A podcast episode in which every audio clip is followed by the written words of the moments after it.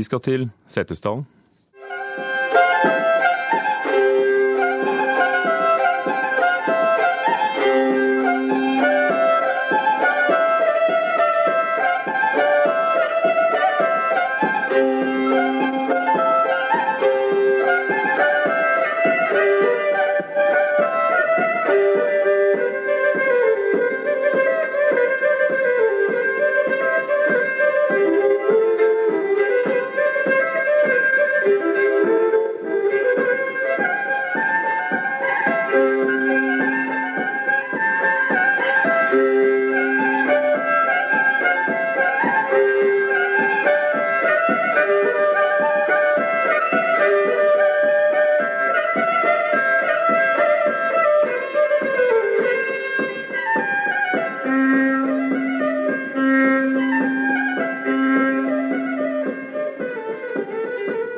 Og dette er ikke bare fra Setesdalen, det er også fra gamle dager. En av de store spellemennene, Olav Heggeland, feirer 125-årsjubileum i år. Halvard T. Bjørgum, folkemusiker, platemann og setesdøl, hva hørte vi her?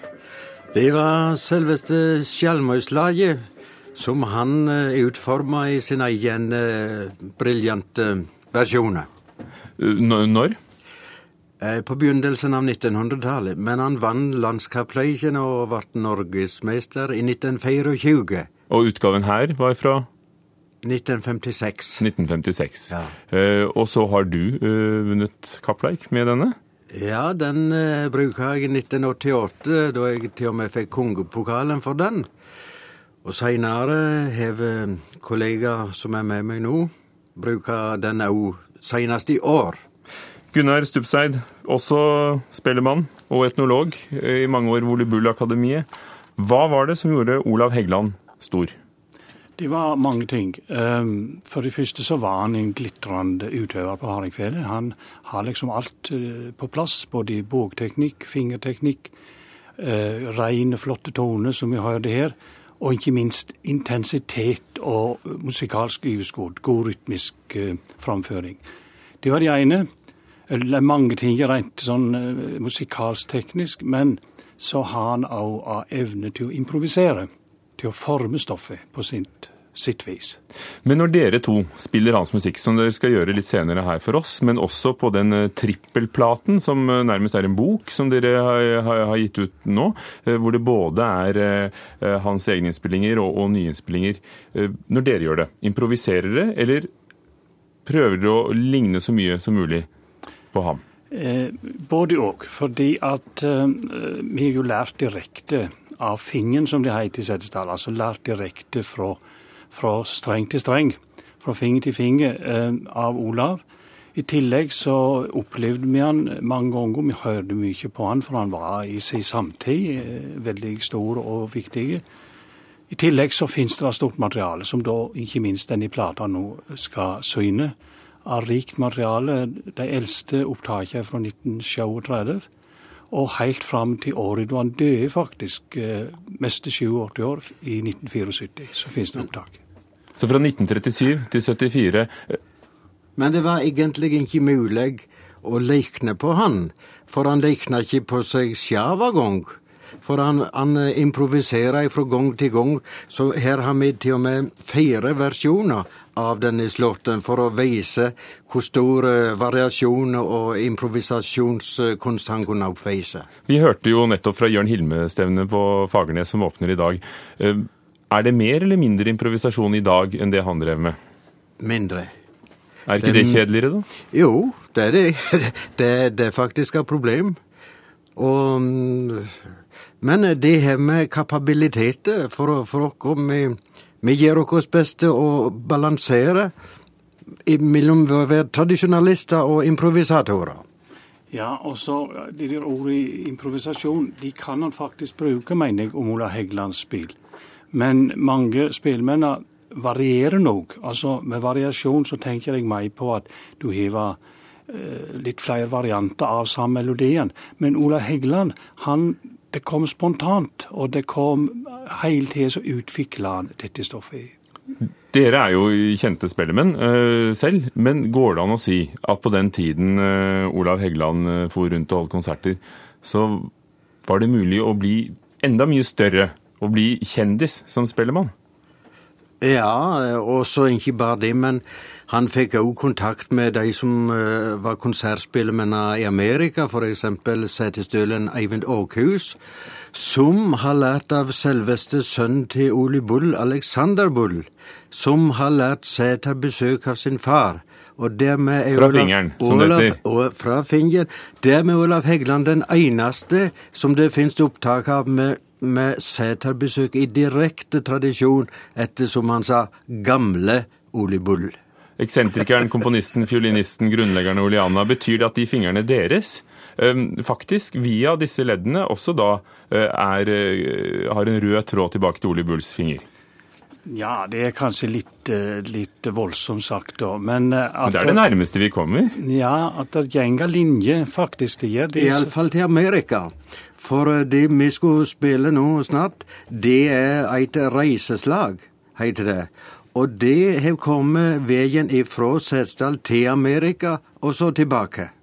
Mm. Ja. Spilte de annerledes på Ole Bulls tid enn dere gjør? De gjorde det sikkert en del, men eh, jeg tror det var veldig mye likt. fordi at de som er karakteristisk med denne um, hardingfele-tradisjonen, det er jo dette at det har vært en veldig sterk eh, traderingsprosess, en eh, tradisjon. Altså dette at det er såpass komplisert musikk at du kan liksom ikke bare plukke opp musikken på øret og så prøve. Du må gange i spellemannslær. Du må lære dette stoffet med rette strøk og med rett ornamentikk og med rett um, intonasjon og, og, og, fingersetting og det hele. At, og da kan du improvisere, når du har lært alt det?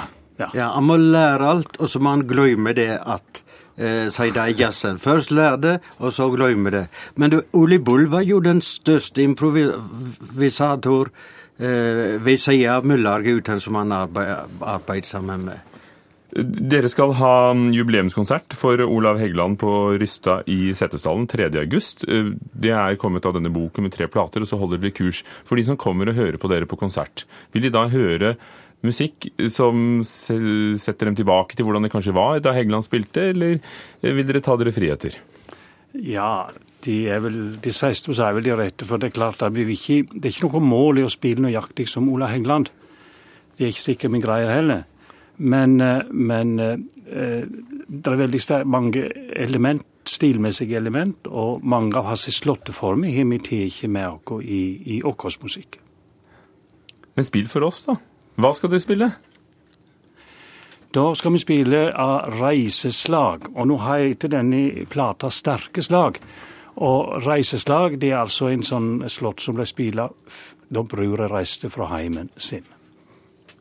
Så det er en, en, litt melankolsk historie, det der. Nå tar spellemennene Halvard T. Bjørgum og Gunnar Stubseid og, og, rigger opp eh, hardingfellene her i Kulturnytts eh, studio eh, for å reiseslag.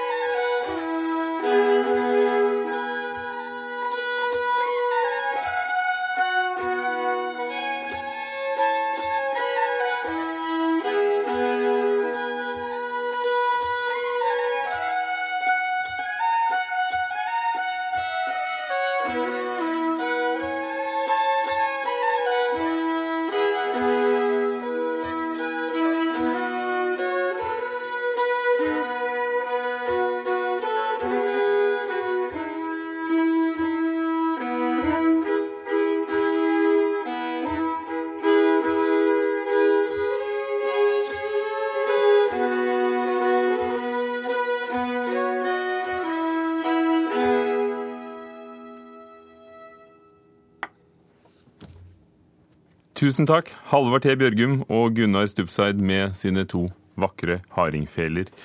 Låt det som Olav Heggland ville gjort det? Ja, det tror jeg jammen meg. Og, og det er veldig sterke slag i eh, musikken til Olav Heggland. Eh, um, og de får heite plata di. Lykke til med 125-årsjubileet.